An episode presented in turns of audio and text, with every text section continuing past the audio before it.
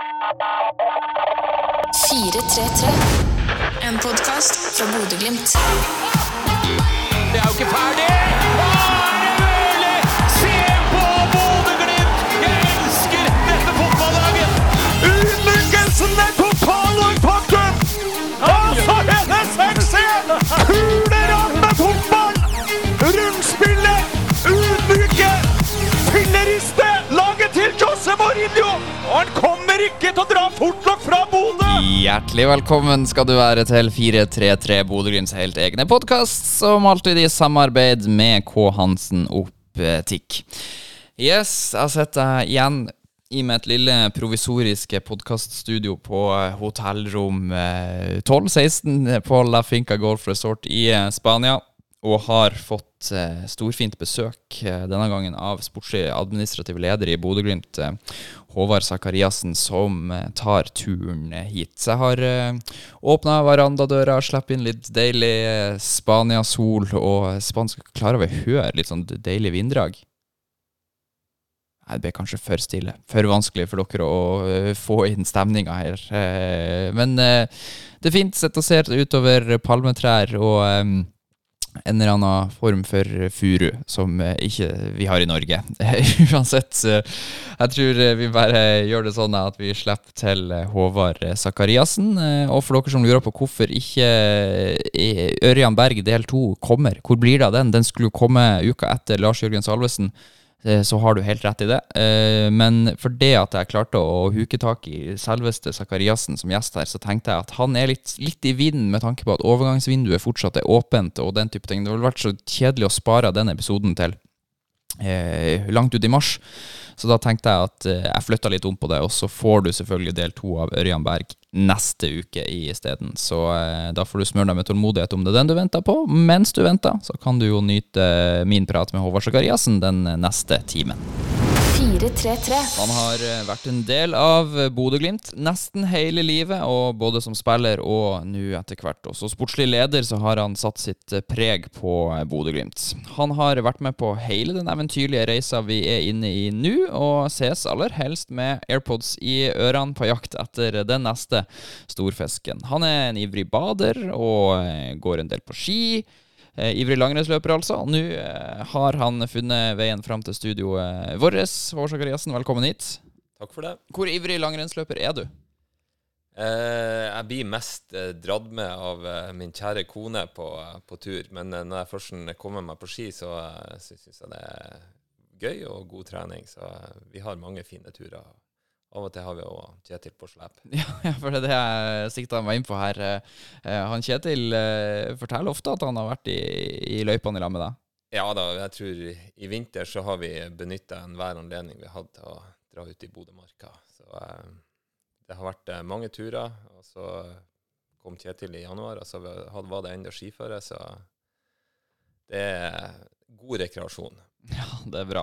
Du, eh, jeg tenkte vi kunne starte podkasten med et lytterspørsmål fra en på Twitter som kaller seg Fort Aspmyra, som eh, egentlig på en måte setter eh, standarden litt her, eller stemninga litt. Han lurer på har du egentlig tid til å være med i denne podkasten.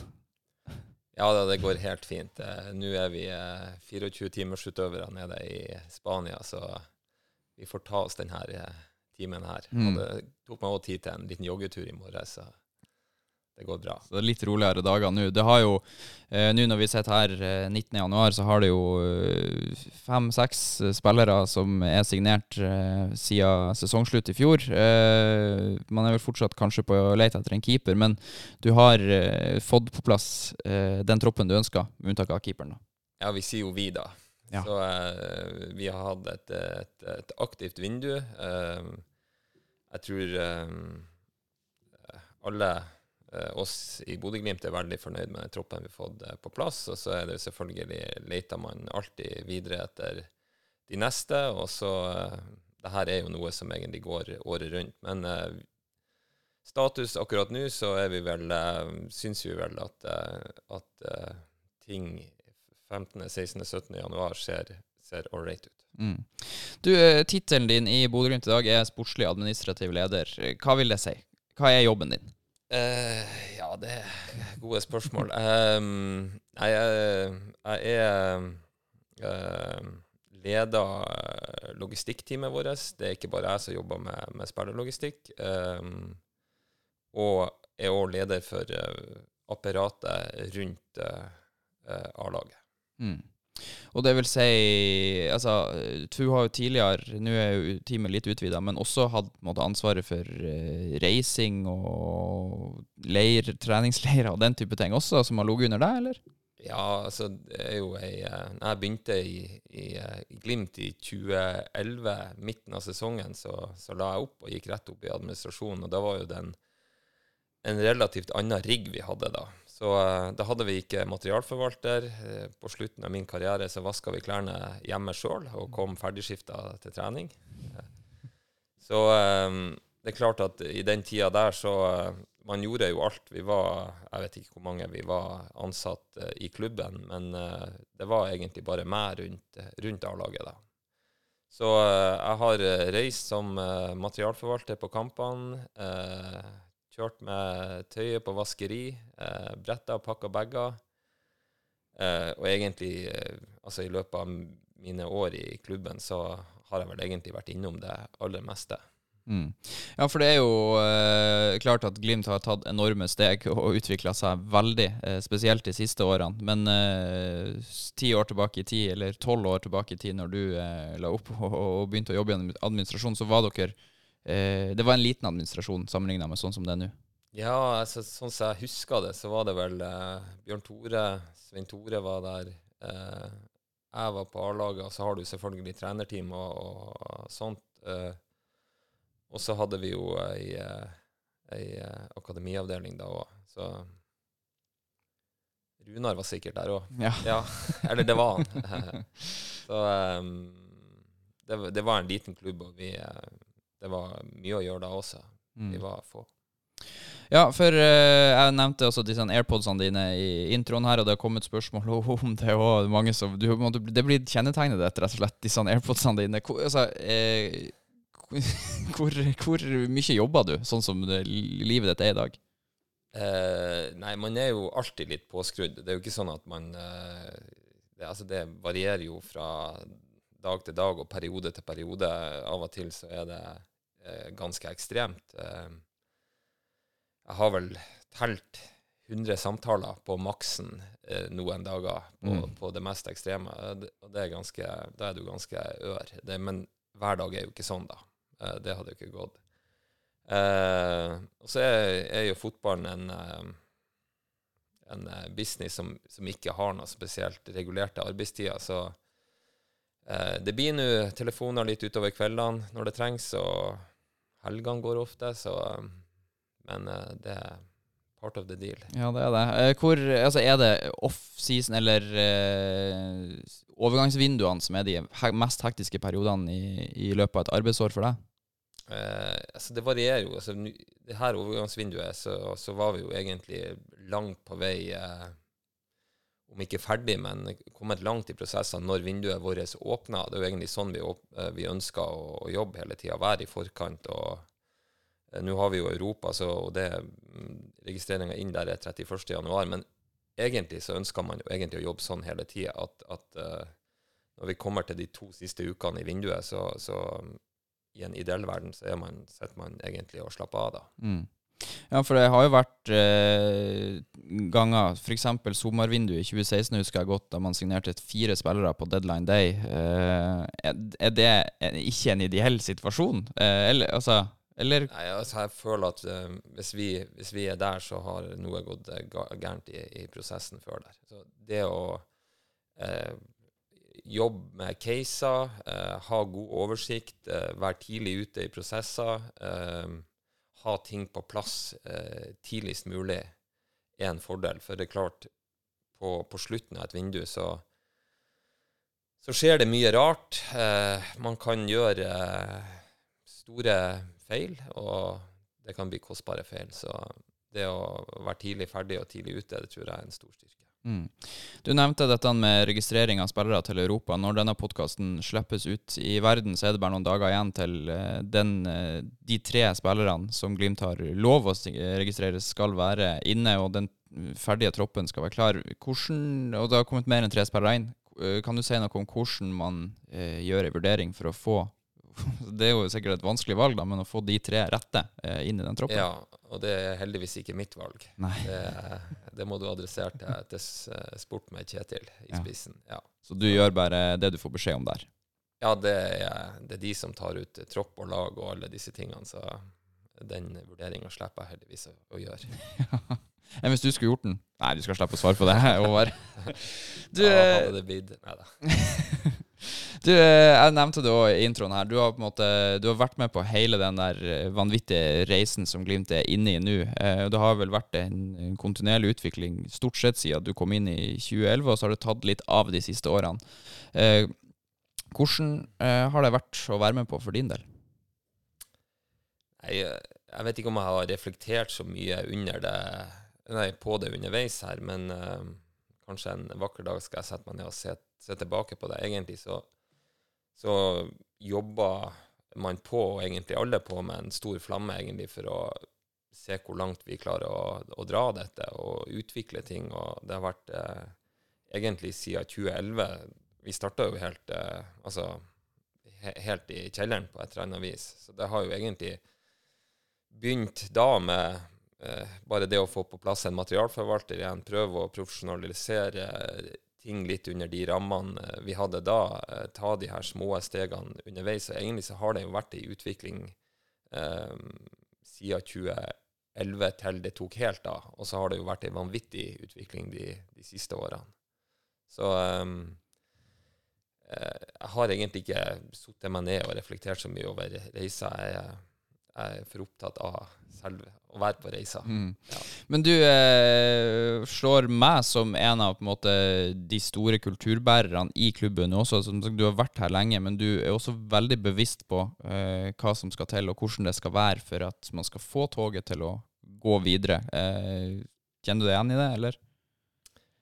Eh, ja, altså Jeg er heldig å jobbe i lag med masse flotte mennesker som, som egentlig drar eh, det her eh, tauet i samme retning. Så eh, jeg har vært med lenge. Jeg har også mine ideer. Eh, ting som jeg brenner på med eh, for. Og så er det egentlig et stort team, eh, føler jeg på, som, som drar så hardt vi kan i det tauet for å få utvikling og, og fremgang. Mm. Hva, hva er det som driver deg, da? Hva er det Det snakkes jo om denne sulten og Kjenner du på sult? Jeg kjenner på uh, en stor flamme for, uh, for det vi holder på med. Det gjør jeg absolutt. Jeg har, det har jeg egentlig filosofert litt over, og, og, og tenkt at den dagen uh, jeg ikke kjenner på den sulten, eller den flammen jeg har for det her, så skal jeg finne meg noe annet å gjøre. For det tror jeg er helt sånn avgjørende for å, for å bidra med noe. Uh, og den flammen uh, er uh, egentlig altså Det som gir meg størst glede rundt dette, det er egentlig å se hva det eh, nummer, Kanskje nummer én, det å få til ting i lag med eh, mennesker du eh, liker og bryr deg om, og sånn. Det å se den reisa vi sammen klarer å, å lage for hverandre, det, det er inspirerende. Men òg det de siste årene, det som har skjedd rundt oss. Eh, den, den gleden du ser, det engasjementet rundt oss. Det å se at eh, eh, Se folk som kommer fra kamp som jeg bryr meg om, mine foreldre, mine svigerforeldre, eh, eller hadde en eh, var på flyplassen i Bodø for litt siden, så kommer det ei eldre dame bort til meg og sier at eh, dere aner ikke for en glede dere eh, liksom har, gir meg og min mann. Eh, og sånne type ting syns jeg er utrolig flott, og det, det gir meg inspirasjon i hverdagen. Mm. Ja. Et, altså et fullsatt Aspmyra en uh, høstkveld med flomlys og europaseil på altså, eh, Er det sånne ting man eh, kanskje aldri egentlig hadde tort å drømme helt om å få oppleve i Bodø? Uh, Ja, det er helt spesielt. Altså, de her, de her tingene syns jeg er, det er så flott å se, og, og det gir meg masse eh, flamme, inspirasjon til å kjøre på videre. Eh, og, og akkurat kanskje det, det som skjer på Aspmyra, det, det er supporterkulturen som, som er blitt bygd opp i Bodø by, og altså, J-feltet fantastisk, men også resten av stadion. Det er det har egentlig vært noe jeg ikke har klart å se for meg eh, tidligere. Jeg har vært ganske sterk i trua i mange, mange år på at vi, hvis vi er flinke nok, så kan vi lage litt av et, eh, et lag på Aspmyra. For det handler om eh, håndverk. Så hvis vi eh, får litt kontinuitet og, og flinke folk, så, så går det an å få til. Men jeg har aldri sett for meg det, det, det som skjer liksom rundt oss, og, og den stemninga som er blitt på Aspmyra, syns jeg er helt eh, fabelaktig. Så er det jo lett å bli, når man opplever suksess eh, over flere år, også at man blir litt plassert. Nå har det blitt to seriegull, og så ble det sølv i fjor. Eh, og noen eh, der ute er kanskje skuffa over at det ble et sølv etter to gull på rad. Hvordan eh, ser du på en måte på Er det en del av det som driver deg, å oppnå eh, nye resultater og vinne serien igjen? Eh, og eh, resultater i det hele tatt? Så jeg tror jo Det er jo litt i, i den retninga vi har jobba de siste fire årene, med å egentlig legge litt resultater til sides, og så se hva, hvor er det vi kan eh, ta steg, hva er det vi kan forbedre, hvordan kan vi løfte prestasjonen vår. Eh, man har ikke eh, altså, kontroll over de andre klubbene, vi har kontroll over det vi gjør sjøl. Hvordan skal vi få det best mulig? Jeg føler jo hele tida at vi har masse å gå på, og det er inspirerende. Eh, og så tror jeg jo at eh, resultater kommer av veldig sterk i trua på at resultater kommer av egentlig et sånn type fokus. Så fokuset mitt ligger faktisk ikke i resultatene. Men det er utrolig gøy når vi oppnår ting i lag. Det, det er fantastisk. Mm. Ja, og så er man jo i enkelte på en måte, Sånn som nå når vi skal møte Lek Poznan. Du er jo avhengig av et resultat for å uh, få fortsette å være med, ellers så er du ute. Altså, Ja, ja, ja. Så, det, er- så man er jo helt avhengig av gode resultater også. Men det, med, det skjønner jeg det sånn at det er mer da eh, pakken rundt og hvordan man oppnår resultatene, som virkelig betyr noe. Jeg tror hvis du begynner altså hvis vi begynner å tenke annerledes og begynner å tenke på resultatet, så mister vi noe i, i det som skal gi oss det resultatet til slutt. Mm. Så eh, da velger man å ha fokus på arbeidsoppgaver og de her litt sånn kjedelige tingene. Fordi at det er jo det som får dette produktet til å, å skinne til syvende og sist. Mm. Så, eh, og, og det er jo ikke noe Altså hvis det er en krise for Bodø-Glimt å komme som uh, nummer to i Eliteserien, så er man jo litt historieløs.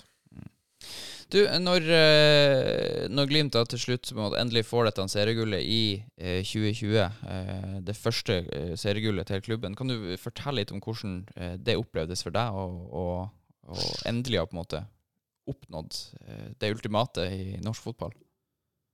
Ja, altså Det, altså, eh, det var en historie altså, når vi sitter på, på Aspmyra når, eh, når jeg egentlig Det her er jo før det blir sikkert, men du innser at det her, det her går helt inn.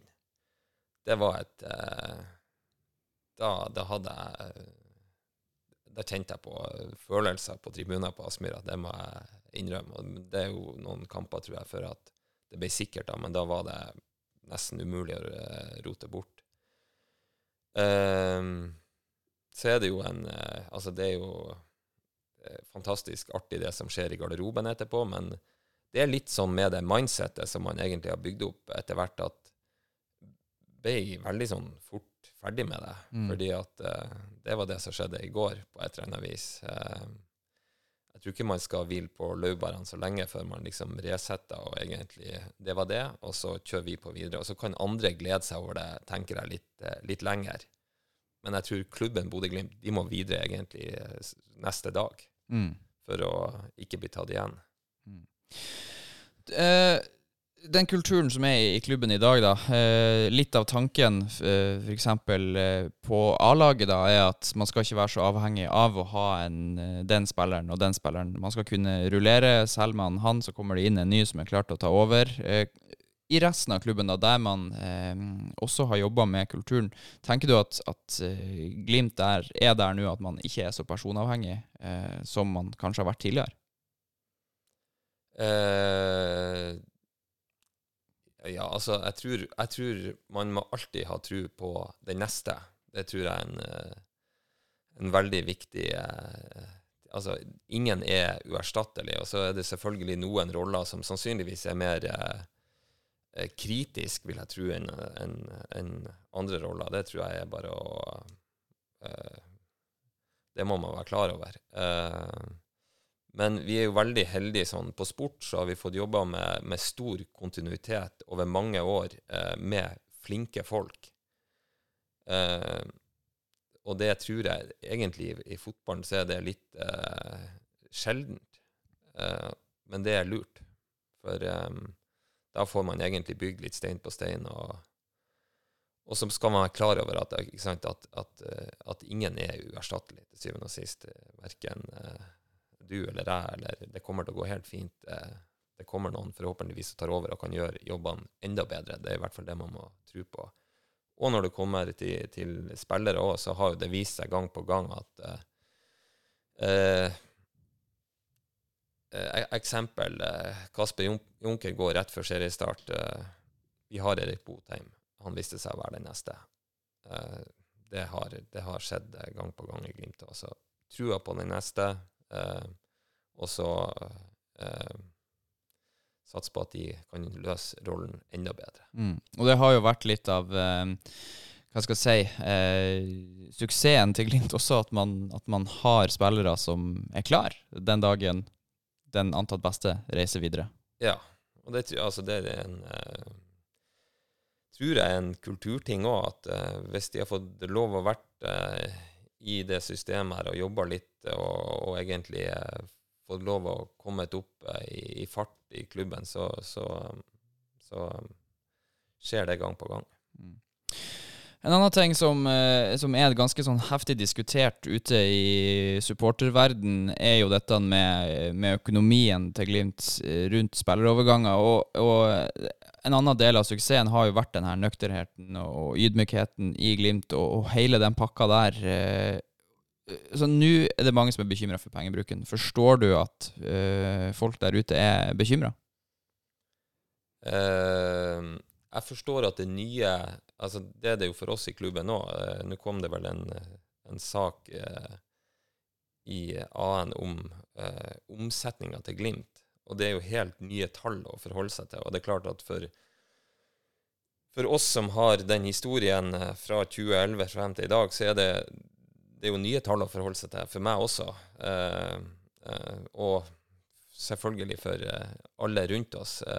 Men det er klart Jeg tror det er viktig at man hele tida griper det momentumet man har. For det er ikke der så veldig lenge, og det er veldig fort å miste dette det momentumet. Så, så det å eh, være modig, tørre å tenke nytt, eh, utvikle, utvikle, utvikle, det tror jeg er en lur strategi. Eh, og så må man eh, gjøre dette med ansvarlighet og, og balanse hele tida. Mm. Eh, det her er jo ikke noe sånn lett øvelse. Det er det ikke. Men, eh, men eh, jeg er trygg på at den veien vi, vi går nå, er den riktige veien. Mm. Og hver gang det både kjøpes og selges eh, spillere i eh, ikke bare i Glimt, men i hele fotballverden, så spekuleres det i summer, og han kosta så mye, og han tjente så mye på han, osv., osv. Du sitter jo med fasiten, og det skjønner man jo at uh, du ikke kan fortelle hvordan, hva alle koster til hver tid. Men hvor ofte stemmer eh, spekulasjonene i media, da? Eh, Det er Jeg tror nok eh, Jeg har vel sjelden sett en, en spiller som vi har kjøpt, som uh, har uh, ikke vært uh, overkommunisert i, i pris. Mm. Nå er ikke det Det er jo ikke sånn at det er total skivebom, men, men det er nok eh, 10-20-30 ofte høyere enn Mm. det som, som er realiteten. Mm. Og så er det jo, eh, eh, som mange, de som følger fotball tett, vet jo at det er én sum her, og så kan det bli mer seinere, og så skal agenten ha penger, og så skal spilleren ha penger. Altså det er eh, akkurat den summen som klubb får, kan være noe annet enn total, det totale bildet. Ja, ja, altså ofte i en, i en sånn type avtale så er det bygd opp på eh, en del som er eh, en eh, garantert overgangssum. Eh, det kan være noe som er bygd opp på eh, som slår inn ved, ved antall kamper. Eh, det kan være noe som slår inn ved Bodø-Glimt sin eh, suksess i Europa. Så en god del er ofte knytta til, til at Bodø-Glimt tjener store penger, eller at spilleren eh, spiller. Mm. Um, Så, og det føler jeg er egentlig en, en fin måte å gjøre det på, og naturlig. Mm. Eh, Otto Ulseth i Nidaros han drar det jo så langt i en kommentar at han skriver at han håper for Glimts del at klubben ikke går konkurs igjen. Det håper vi for så vidt alle, Ja, men det- eh, er det noen fare for det? Nei, eh, det tror jeg ikke er noe overhengende fare for. Vi har, eh, Når vi er inne på dette med spilleroverganger, og sånn, så har vi en del lytterspørsmål selvfølgelig på akkurat dette. Martin Northfarm på Twitter lurer bl.a. på om du kan ta oss gjennom eh, prosessen eh, fra Glimt rekrutterer en spiller, altså fra start til slutt. Eh, ja, jeg kan jo fortelle nå har vi jo eh, eh, etablert en, en en type scouting-avdeling i, i klubben. Eh, vi har eh, Robert Hauge, som eh, har gått eh, fra trenerrommet nå og ut i en ren logistikkrolle. Vi har fått med oss han Anders Konradsen, som også er scout i klubben.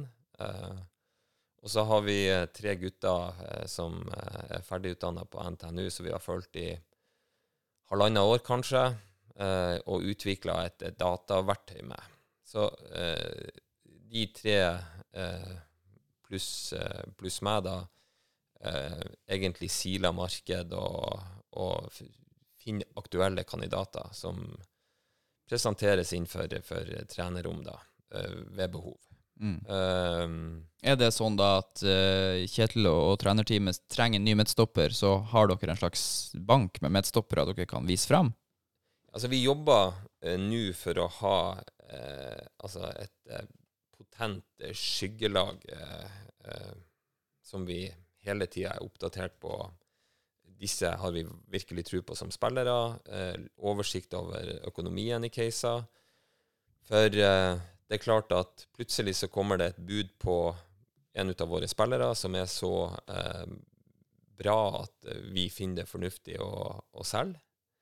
Og da er det veldig greit å være så langt fremme i prosessen på den neste. Altså Enten har man han i troppen sjøl, eller det, går det en, så må det gjerne en inn uansett. Så hvem er denne spilleren? Sånn at man egentlig har litt kontroll på det, og så da blir det enklere å, også, å slippe ut. Så, og det er jo viktig altså Vi lever alle, du og jeg, eh, lever at, at eh, produktet vårt består. Så, så pass på hele tida at A-laget vårt eh, hele tida er nok potent til å kunne prestere på det nivået som vi ønsker. Um, og så uh, Det er jo utrolig forskjellig hvordan de her tingene uh, går frem hele tida. Men noen prosesser er, er veldig lang. Uh, Jeppe Kjær-prosessen nå er jo noe som vi egentlig har eh, kanskje tenkt på i fire måneder eh, nå, som materialiserer seg nå. Eh, noen prosesser er, er kjappere, eh, men det å ha et sånn oppdatert kart og vite hvem er det vi eventuelt går for, det, det er viktig, for det sparer oss masse tid, og egentlig gjør at man er tryggere på rekrutteringa. Mm.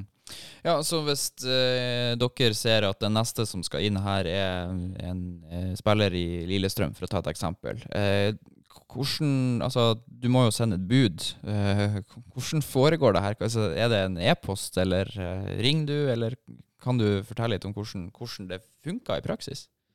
Ja, altså det Jeg tror jo de fleste i norsk fotball kjenner hverandre godt. Eh, De som har mine roller i andre klubber, har jeg snakka noen veldig mye med, noen litt mindre med. Eh, Så det kan godt hende at det, det, det litt, varierer litt, det òg, men eh, av og til så tar man en telefon og bare sier at vi har en interesse for dette, det kommer et bud.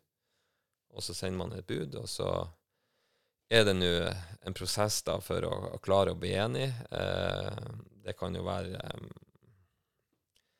Ja, det, det er jo litt ymse hvordan, eh, hvordan de prosessene nå er. Eh, og, eh, så, så noen prosesser er kjappe, noen prosesser går, går over lang tid. Og så er det å bli enig med, med spilleren etter man er enig med klubb, og så så er det bare å kjøre på. Mm. Ja, det er bra, det. Eh, Mats Gauge han har noen eh, spørsmål om eh, Og du var jo litt inne på det. Eh, at Han spør først om, om Glimts eh, scouting-strategi. Det har du vært inne på. Der har man utvida litt og satt ting litt mer i system. Han lurer også på da, hvilke datasystemer man lener seg på. Du nevnte et, eh, noe dere har utvikla der, eller jobba med sammen med noen fra NTNU på. Hva, hva er det for noe? Hva slags system er det? Er det tall og, og oversikt over spillere, eller?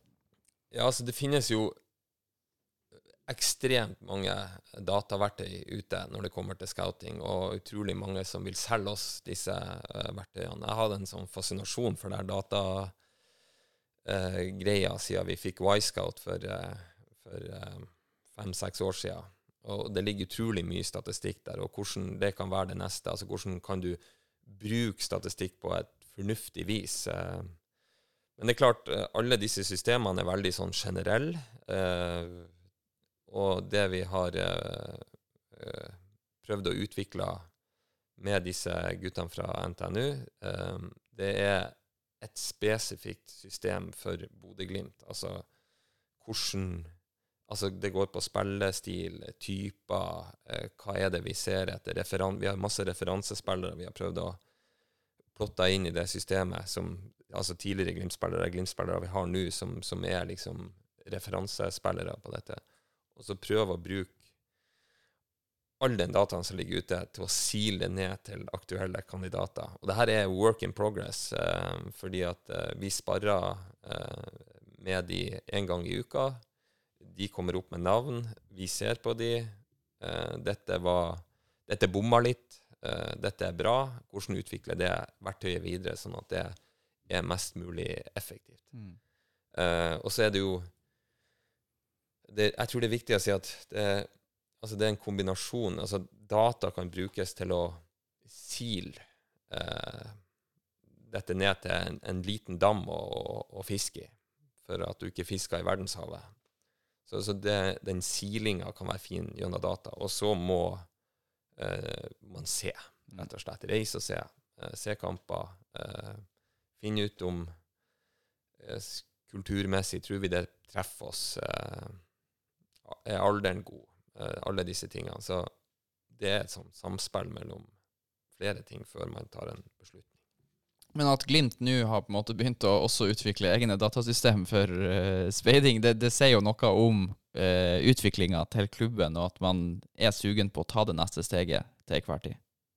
Ja, det er i hvert fall uh, si noe om uh, åpenhet og nysgjerrighet på, på ting. Og, og det at man har lyst egentlig til å se kan det gjøres bedre. Kan vi ha nytte av dette?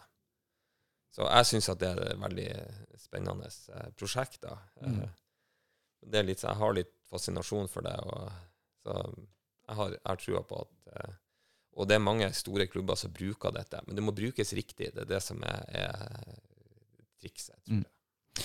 Mats Gauge lurer òg på eh, om det er noen eh, spesielle marked, altså spillemarked, da. Eh, Glimt har pekt seg ut som mer interessante enn andre. Nå har du handla en del dansker de siste sesongene. Ja.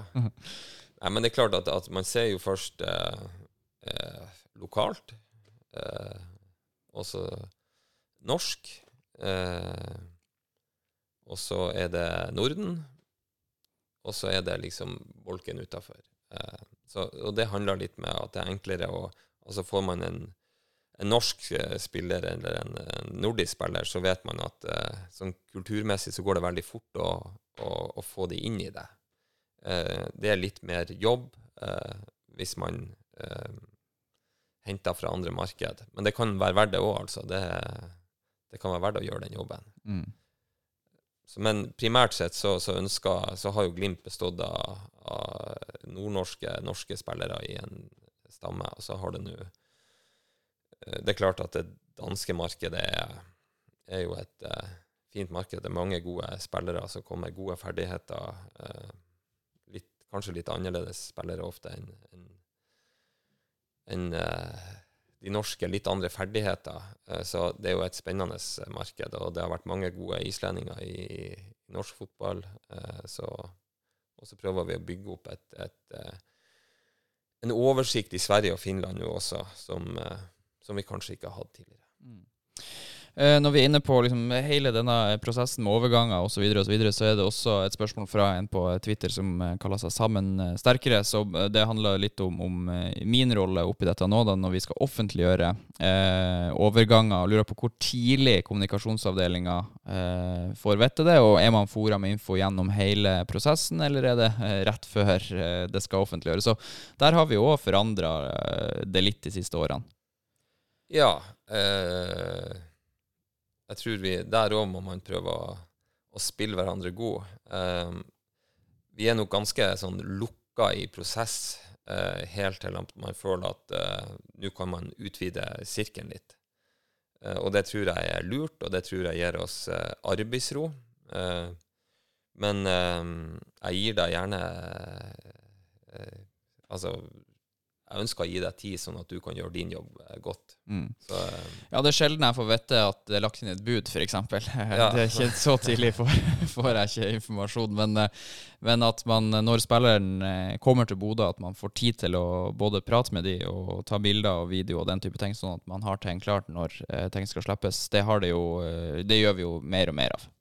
Ja, ja, ja. Og jeg syns altså akkurat den delen der det, handler om å bygge produkt. Det er også folk Altså det og Alle er med på å bygge det produktet. Eh, så folk er, er sikkert lei av å høre ordet produkt, men det er til altså produktet er jo alt vi får til.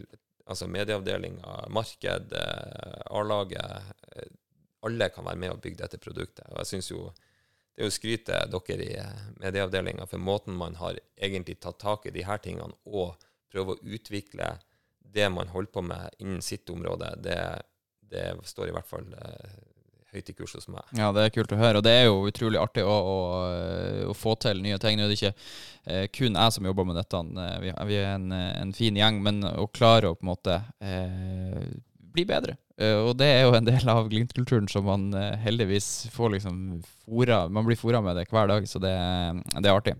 Du, eh, eh, eh, eh, det var et spørsmål, ja. Stein Roar Slåtterøy på Twitter som lurer på eh, hvem er drømmesigneringa?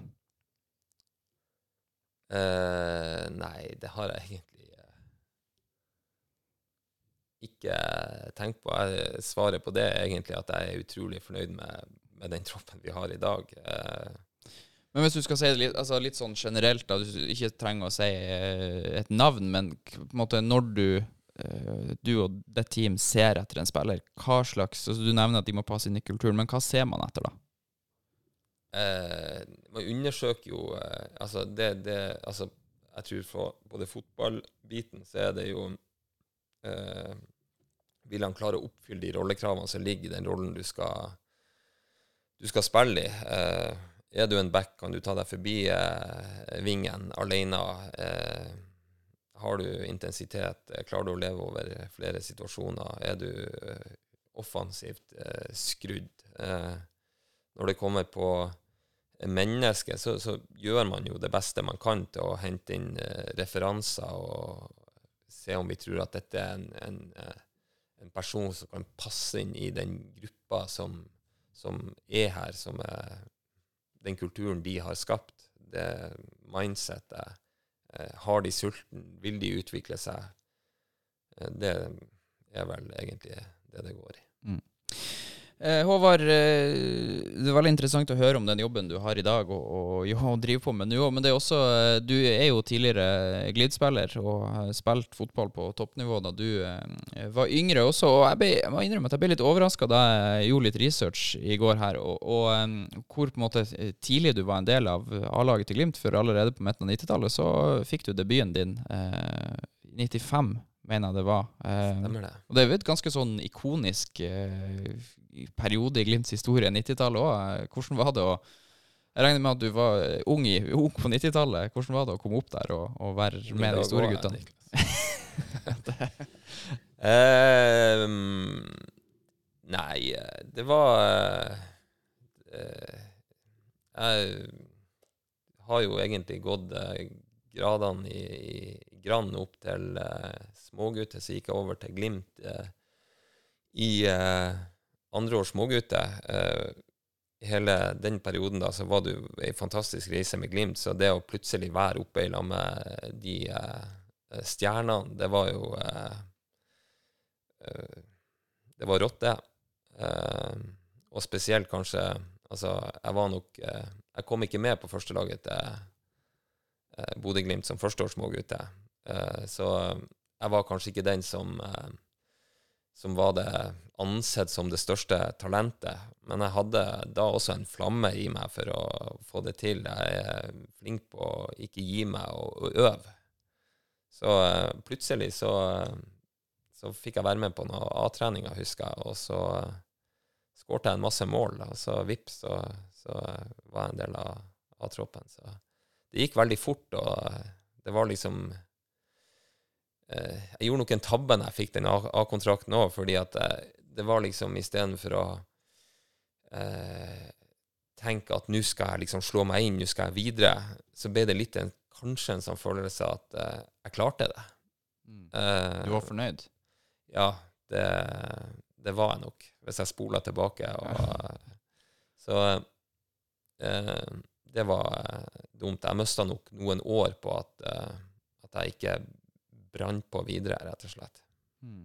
Ja, for sånn som nå var jo jeg f ung og fulgte stort sett med Bodø-Glimt via tekst-TV på den tida her. Men, eh, men sånn som jeg husker det, så var det først liksom på 2000-tallet at, man- at jeg i hvert fall fikk eh, et forhold til navnet ditt. Eh, Særlig 2006-sesongen, der du plutselig dytta inn fire mål mot eh, Hødd i runde tre i Adeccoligaen og fikk litt fart på det. Men hvordan var eh, var det inn og ut av laget i perioden før det, eller var du Nei, altså på eh, Jeg skrev vel en kontrakt, tror jeg, en treårskontrakt som gikk ut i 99. Eh, og i eh, 98 så var jeg på utlån til Odd. Det året Odd uh, rykka opp fra Obos til, eh, til Eliteserien.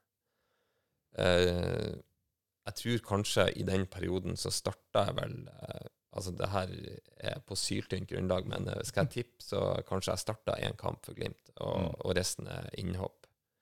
Um, så det var ikke noe sånn instant eh, suksess. Det var, eh, det var nok litt den følelsen at eh, Altså, det, det er en stor tabbe når du skriver en A-lagskontrakt og, og tenker at eh, det var Jeg, klarte det. Målet du har ikke klart noen ting, egentlig. Nei.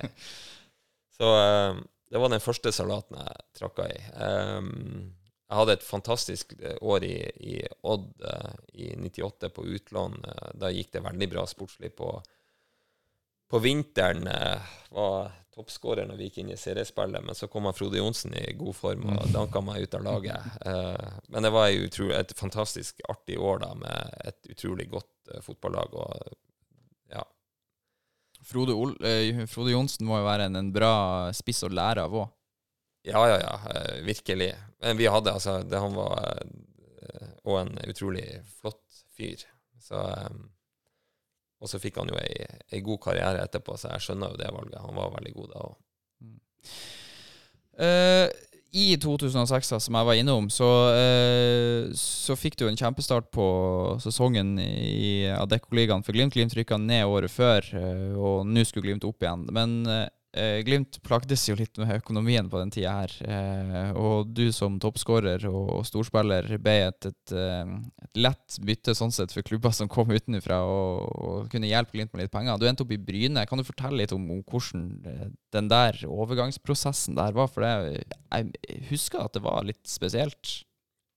Ja, det var eh, veldig eh, Det var en spesiell prosess, det var det absolutt. Eh, Du, eh, altså, jeg kan dra det helt tilbake til 2000 og 2001, så spilte jeg jo lokalfotball i Bodø etter kontrakten min med Glimt gikk ut for gevir Innstranda. Og så gikk jeg til Moss etterpå og eh, eh, skårte vel eh, Jeg tror jeg kom på andreplass på toppskårerlista i 2004 og ble henta hjem til Glimt i 2005. Sånn tror jeg det var, ja. Mm. Eh, og så rykka vi ned i 2005, eh, dessverre. Og, men jeg, da var jeg blitt Altså, det, da hadde jeg flammen og gjorde det jeg skulle, så eh, da Det var nok min beste sånn periode som spiller er nok den tida i Moss. Og, og spesielt kanskje det 2006-sesongen. Eh, da var jeg fast på laget. Eh, levde egentlig kanskje guttedrømmen. Eh, den var ikke større enn som så. Eh, hadde det veldig fint i Glimt. Jeg syns vi var et eh, bra lag. Eh, potensialet til å ta steget opp igjen. Og så sleit vi jo veldig med økonomien, da. Eh, så eh, det kom et bud fra Bryne på tre millioner. Eh, hadde egentlig ikke tenkt å vurdere å dra fra Glimt i det hele tatt, men eh, i en eh, samtale med daværende direktør så ble jeg fortalt at eh, den økonomiske situasjonen er så alvorlig at eh, hvis ikke du går nå, så eh, er Glimt i skifteretten om ei uke. Mm.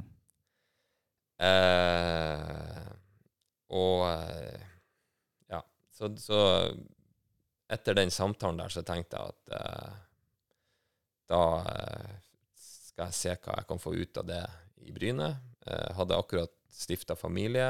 Eh, eh, hun, var, hun var med på den tanken og eh, gjør dette, så det endte opp med at jeg takka ja til Bryne. Men eh, det var med, med tungt hjerte. Mm. Men eh, ja, også alternativet å takke nei er vel reelt sett egentlig ikke et alternativ, for det hadde ikke vært noen Bodø-Glimt å spille på uansett. Nei, det var i hvert fall det jeg ble fortalt. Ja. Om, om, det var, eh, om det var så ille som det, eh, det Det vet jo ikke jeg. Men det var egentlig der og da jeg bestemte meg for å da gjør jeg det. Jeg var 30 år, og, men jeg hadde det sinnssykt, sinnssykt gøy i Glimt. da. Mm. Så det var eh, eh, Det var ikke bare lett. Nei, men ble det, ble det like artig i Bryne? Altså, Fikk du noe ut av det, som du jo håpa på? Eh, jeg hadde to eh, fine år i Bryne der jeg var på eh, leie til Ålesund eh, en halv sesong. Og veldig gode erfaringer. Men det er klart at å komme fra Glimt eh, da til, eh, til Bryne, det var jo sånn eh, Et steg ned, opplevde jeg det. Altså sånn eh, altså fasilitetsmessig og, og litt annen kultur på Bryne enn i, i Bodø. Eh, så eh, jeg mista nok litt sånn gnisten i løpet av den perioden. Det tror jeg jeg kan si med hånda på hjertet i dag, i hvert fall. Og når du da kom tilbake til Glimt i eh, 2008, som jo ble en veldig eh, bra sesong for, eh, for Bodø-Glimt i, i Eliteserien altså når du sier, Fikk du gnisten tilbake igjen da, eller var du på en måte eh, litt ferdig som fotballspiller hvis du eh, Det kreves jo et sånn hardt arbeid over tid, gjerne Ja. å være i den fysiske forfatninga du ønsker. Så eh, når jeg kom tilbake, så var jeg utrolig glad for å, å, å komme hjem. Uh, uh, jeg følte egentlig at den høsten der så så var det OK, men jeg begynte jo å bli litt opp i 30-årene, så det er nå egentlig naturens gang at, at enkelte ting begynner å avta, man har et litt sånn annet fokus i livet sitt med familie og sånne type ting. Så det var nok en eh, Håvard på hell som, eh, som kom hjem igjen. mm. Men du eh, husker rett at du slo eh, Trond Olsen igjennom i den legendariske kampen på Lerkendal og hadde assist i Eller blander jeg nå? Nei, det er rett, det. Ja, det er rett. Ja, det er rett, det. Så du var ikke helt ferdig som toppspiller? Nei da, det var en fantastisk artig eh, kamp, da. Det, vi, hadde, vi hadde det gøy etterpå. Ja. Ja. Og underveis, håper jeg. Og underveis. Ja. Du, eh, ifølge eh, Transfermark Nå vet jeg ikke hvor godt det stemmer, men eh, der, ifølge eh, Transfermark så står du oppført med kun tre cupkamper for Glimt, og alle i 2011. Kan det stemme? Nei, det tror jeg eh, Nei, Det må dobbeltsjekke. ja, Det hadde er vært en, en, eh, en artig statistikk i så ja, fall. ja. Kun spilt cup på Sortland og eh, Skånland, eller hva det var. Du, eh, vi kan eh, rive, dra gjennom noen eh, flere lytterspørsmål. Eh, Hun, eh, Gyda Aanes hun lurer på om du noen gang har ordentlig fri. Du snakka litt om det i stad. Eh, hvor altså, Når du skal ta deg fri, eh, skrur du av telefonen og gjemmer den unna, eller er det fri med i gåsetegn? Eh, Ikke et godt spørsmål å få. Um,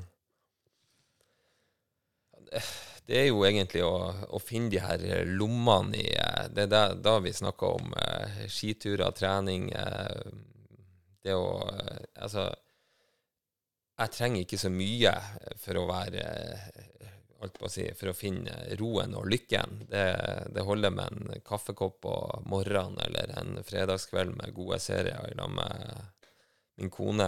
Så, så, jeg, så finner jeg veldig sånn roen i det. Altså de ladestasjonene man har eh, for å Men det er eh, Det er relativt stor belastning eh, på den tilgjengeligheten hele tida. Det er det. Mm. Men eh, eh, jeg, jeg føler sjøl at det, altså jeg håndterer det bra, men eh, det er klart at eh, det, det å være så tilgjengelig hele tida på ferie og sånne type ting, det, det er jo ikke alltid gunstig. Nei, og man har jo andre enn seg sjøl å ta hensyn til også eh, i livet. Det har man. Så Så, ja. Nei da, det, det er jo Og det, det er sikkert litt med min passion for det her og sånne type ting. At, og jeg har nå et, eh, et mål og, og kan egentlig eh, bli flinkere. Fordi at eh, altså, det kommer til å gå helt fint om, eh, om jeg ikke tar telefonen på ei uke. Mm. I, I perioder der det ikke er veldig nødvendig. Men er du rastløs? Kjeder du deg fort? Eh, nei, jeg er egentlig ganske rolig og eh, eh, sånn Ja, jeg finner roen med, med mange ting, så eh, rastløs Jeg vil ikke betegne meg som rastløs, nei. Nei, for sånn en, en, eh, en eh, strandferie med familien eh, og ei ukes tid, da. Er det sånn at du etter to dager tenker nå har jeg fått nok, nå kunne jeg tenkt meg å være tilbake på jobb, eller klarer Altså, det er jo, man har jo blitt litt sånn skada av yrket sitt etter Mhm. hvert, så du har jo den der lille flammen og, og uroen der hele tida. Men eh, eh, altså, strandferie hadde ikke jeg er ikke noe glad i å ligge på stranda, det er jeg ikke. Men det å reise på litt opplevelsesferie og sånn, og egentlig kan koble ut, det, det skulle jeg klart veldig fint. Mm. Hun, eh, Gyda lurer også på eh, om du har noen tips til nybegynnerisbadere. Da kommer vi inn på dette lille ritualet dere har før kamp, du og Kjetil. Dreg oss litt gjennom det. Ja, det her starta vel eh, i 2020, første seriekamp i Stavanger. Vi har jo alltid hatt en sånn at man Det er jo litt de her ladestasjonene man snakker om, ikke sant. Eh, Kampdagen er lang. eh, Det er veldig greit å, å gjøre andre ting og tenke på andre ting og, og snakke om andre ting før man må inn i fokus. Så vi hadde jo en sånn rutine at vi trente alltid på kampdag. Dette var jo en sinnssykt fin dag midt på sommeren pga. korona, så var jo seriestarten utsatt midt på sommeren der. Så eh, var vi og trente og løp ned på stranda. Eh, og så eh, sa han jo at faen, vi avslutta med å bade. Og så sprang vi uti og var jo helt eh, konge. Varmt og godt. Jeg ser Eh, for meg at dere er som, fireåringer som bader i ja, ja, ja, men det er varmt og godt. Og det, liksom, det, alle badene har ikke vært akkurat sånn, da. Men det begynner der. Det begynner varmt og godt. Um, så spiller vi kampen, slår vi Viking. Så går det ei uke, og så uh, trener vi nå. Og så det, faen, vi drar og bader i dag, og det gikk jo så bra sist. Mm. Ja. Og sånn begynte det egentlig. Uh, og siden den dagen der, så har det vært bada eh, rundt omkring i krinker og kroker i Norge og mange, mange plasser i Europa eh, eh, hver eneste gang vi har hatt kamp. Mm. Og det er jo ikke alltid det er Vi spiller på en stadion som ligger rett ved sjøen, eller altså, ute i Europa, f.eks. Når man bor midt i Roma sentrum eller i Zagreb. Hvordan, hvor, hvordan finner dere ut hvor dere skal føre og bade? Nei, altså i begynnelsen så organiserte vi, hadde noen eh, eh, rå taxiturer rundt om forbi etter Google Maps til å finne en eller annen altså en eller annen strand eller en eller annen innsjø eller et eller annet sånn. Og kom opp derfra og lurte på hvordan i all verden vi skulle komme oss tilbake. Vi, har jo, vi må jo tilbake til avreise her. Så I begynnelsen så var jo altså ute i Europa så var det jo sånn, og så har jo de som, som hjelper oss med den reisa da ute i Europa, fanga opp det her etter hvert, at uh, vi stikker av gårde på det her greia. Så de har da hjulpet oss å fasilitere dette litt bedre enn når vi holdt på sjøl. Men det, det, er jo utrolig gøy, da. Altså Det er jo en artig, rar ting, så, så er bare litt sånn et artig rituale eh, som, som, egentlig er det her fristedet, den ladestasjonen, og her på tur. Og vi har sett utrolig mange flotte plasser uh, utafor hotellene. ja. Eh, både i Norge og i, i, i um, Europa. Så det er, en, en, litt artig tradisjon. Mm. Det er det. Som vi holder fast med. Om det er den fine dagen i, i Stavanger, eller om det var minus 11 i Trondheim eh, foran Jeg tror det var siste seriekamp i 2021. Mm, ja. ja. Siste, nest siste bortekamp, i hvert fall. Ja, så det har vært noen, eh, noen ekstremt brutale badeturer, og spesielt nå når vi spiller kamper i februar og i desember. Så um, det, Men det, det, er gøy, og det, det er opplevelser. Ja, og jobben må gjøres likevel. Og jobben må gjøres likevel, ja. Du, Kristian Følsen, Paulsen lurer på hvor surt det er at Evjen dro til Brønnby. altså Tidligere Glimt-spiller Håkon Evjen, som nå denne uka signerte for Brønnby, og lurer på om Glimt var med i kampen om han denne gangen også. Jeg tror ikke vi skal si at det, det, har vært eh, flott hvis eh, Håkon har tatt på seg den gule drakta igjen. Den gule Glimt-drakta, vel å merke. Eh, og så ble nå veien hans til eh, Brønnby denne gangen. Hadde Håkon hadde et, et, ønske om å, å, komme hjem, så hadde vi eh, ordna det på et eller annet vis. Men, eh, men uh, det, det, ble Brønnby denne gangen. Uh, når det kommer til prosesser sånn, så, så, er de, som de alltid er, litt konfidensielle. Fredrik André Ellingsen har også et spørsmål til deg. Jeg lurer på hvilken spiller som nå bor i uh, hybelleiligheta di, og om hvem av spillerne som har vært der, som har vært den beste leieboeren. Nå er det ingen spillere som bor Nei. i hybelleiligheta min. Nå har min eldste sønn tatt over den i kjelleren.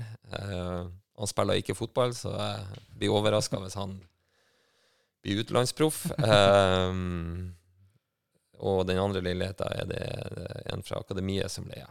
Um, å rangere de, altså Håkon er jo, er jo kanskje veldig sånn spesiell for, for vår familie, fordi at uh, han, han, er jo nesten som en tredje sønn uh, på et eller annet vis. Uh, og kom i lag med broren han Henrik òg, som Han var jo ikke så lenge, men det er jo ei spesiell historie, siden vi kjenner foreldrene veldig godt. hadde ei fantastisk reise med, med Håkon. vi er alle veldig glad i han. men det er det er veldig mange som, uh, som Yeah, no worries. You can come back tomorrow. Yes. Uh, some water, please. Uh, two is fine. Thank you. Vi avbryter room service. Det er hyggelig, det. um, nei, um, hvor vi var Ja, nei, det har vært mange Det første, første spilleren vi tok liksom inn uh, i uh, i de leilighetene i huset mitt, det var jo Jeg tror det var Badou. Mm. Og det ble jo ei fantastisk reise med egentlig Du får eh, Du kommer eh, nært på en eh, Thank you. See you tomorrow. bye bye. Det var ikke mye spilleforståelse. Nei, det var ikke det. Nei da, det har vært veldig mange. Altså, Badou eh, ble vi eh, ble vi veldig sånn knytta til som familie. Ibba bodde der. Utrolig eh, artig type. Nå kommer jeg til å glemme mange, for det er veldig, mm. veldig mange.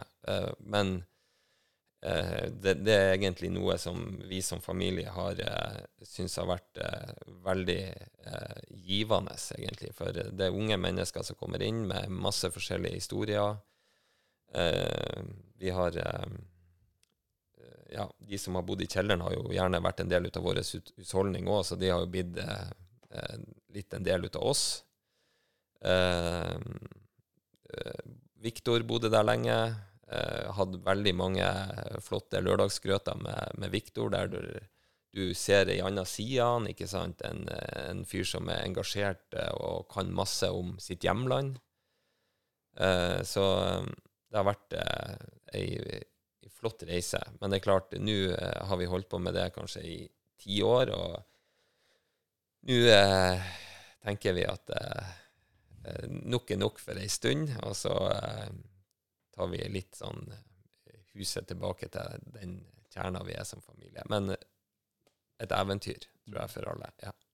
Du Håvard, eh, det har vært veldig interessant å prate med deg. Nå ser jeg at Spania-sola kommer snikende inn i vinduet og treffer deg i ryggen, så det blir varmt hvis vi skal sette her veldig mye lenger nå. eh. Men eh, vi får heller eh, spare resten til en annen gang eh, om eh, vi skulle komme på noe mer å snakke om. Eh, Jeg takker så mye for at du tok deg tida til å stikke innom. Ja, takk. Det samme. Det er artig å debutere i podkaststudio.